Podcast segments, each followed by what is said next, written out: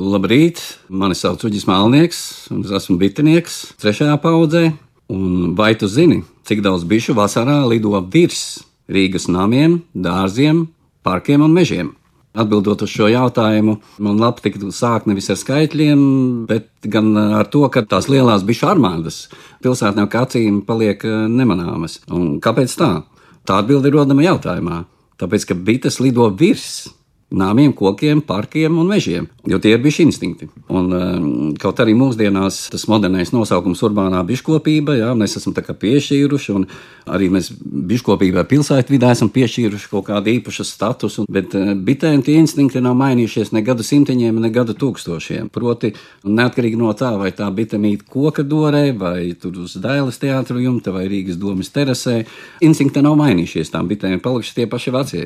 Un, proti, lidojot pēc nektāra bite vienmēr izvēlās taisnāko ceļu. Un tad lido viņa nevis tur mežā pa stigām, un pilsētā pa ietvēm, un parku skvēriem, un kaut kādiem namu pagalmiem, bet paceļās virs kokiem, virs galotnēm un namu jumtiem.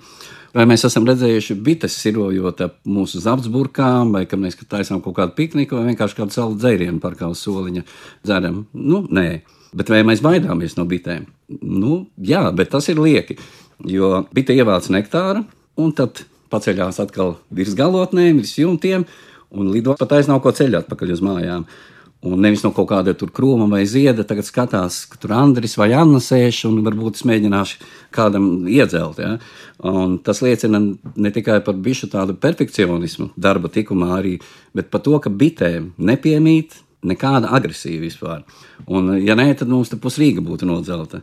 Jo vasarā uz liepzied ienesumu Rīgā tādas precīzas statistikas, nu, katru gadu mainās tie skaitļi nav, bet tās noteikti nav kaut kādas tikai 500 saimes, un pat, es domāju, ne tik 1000 saimes. Ja?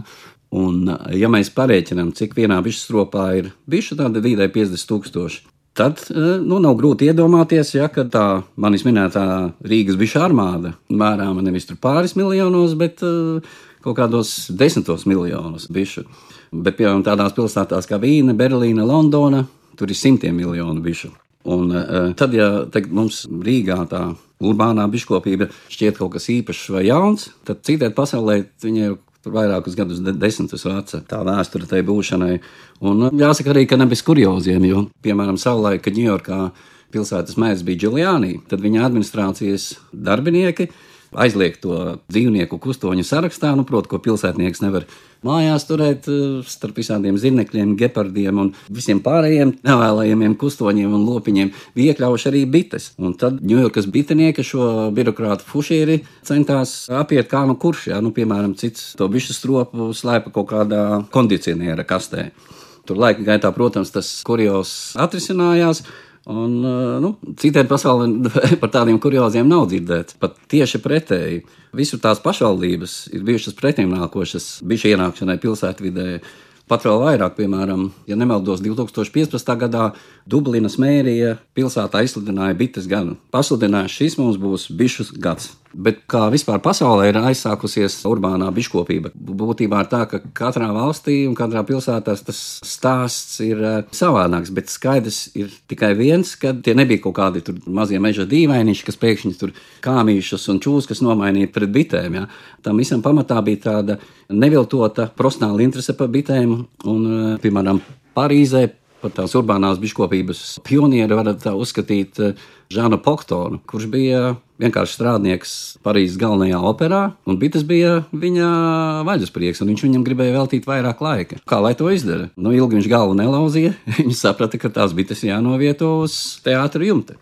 Piemēram, Vāslava Havela vārdā nosauktā lidostā Prāgā Bites kop kāds avioinženieris, kuram arī tas hobijs ir rokas stiepienā attālumā no tās darba vietas. Nu jā, un tā urbānā biškopība ir aizsākusies kā tāds nopietns aicinājums un vaļas prieks, un tur kaut kādām modes tendencēm nu, vispār nav nekāds sakars.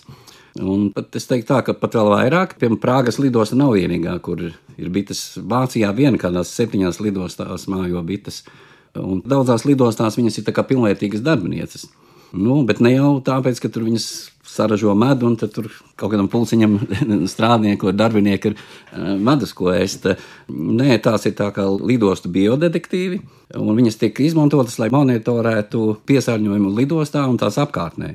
Un šī vidas kardiogramma tiek veidot arī ņemot talkā bišu savāktā medus un ziedputekšņa analīzes. Nu, jā, un, uh, mēs maldāmies, ja mēs domājam, ka Rīgā urbānā biškopība ir tāda, kā arī kaut kas jauns un tāds unikāls.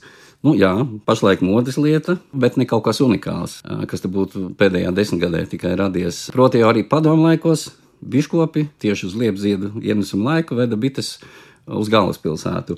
Tas izskaidrojams arī to, ka liepas ir ļoti izcils nektāra devēja augs, un liepziedu medus arī garšas ziņā ir viens no garšīgākajiem. Un, līdz ar to šobrīd ir tā, ka uz Rīgu kāds atved pārdesmit saimes, bet ir arī biškopi, kas vairākus simtus bišus strops atved uz Rīgu. Un tad tieši uz liepas ziedēšanas laiku ir Rīgas lidotā milzīgā bišu armāda. Es domāju, ja tos visus miljonus savāktu tādā vienā lielā mākonī, tiem cilvēkiem būtu mutes vaļā no tā skata. Bet, kā jau teicu, viņas ir izklīdušas par Rīgas visiem parkiem, kur vien tās liepas uh, ziet. Un runājot vēl par kādu urbānās biškopības aspektu Latvijā un pasaulē, tad es to teiktu, ka cilvēki, kas sāka kopt bites pilsētvidē, viņi nedarīja to tāpēc, ka tas ir kaut kā moderni.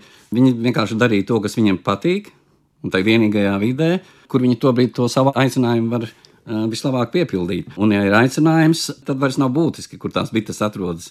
Kāda Manhetenas nama jumta, Londonas Hyde Parkā vai Mazdārziņā, Teikas mājas pagalmā vai kādā Rīgas nostūrī.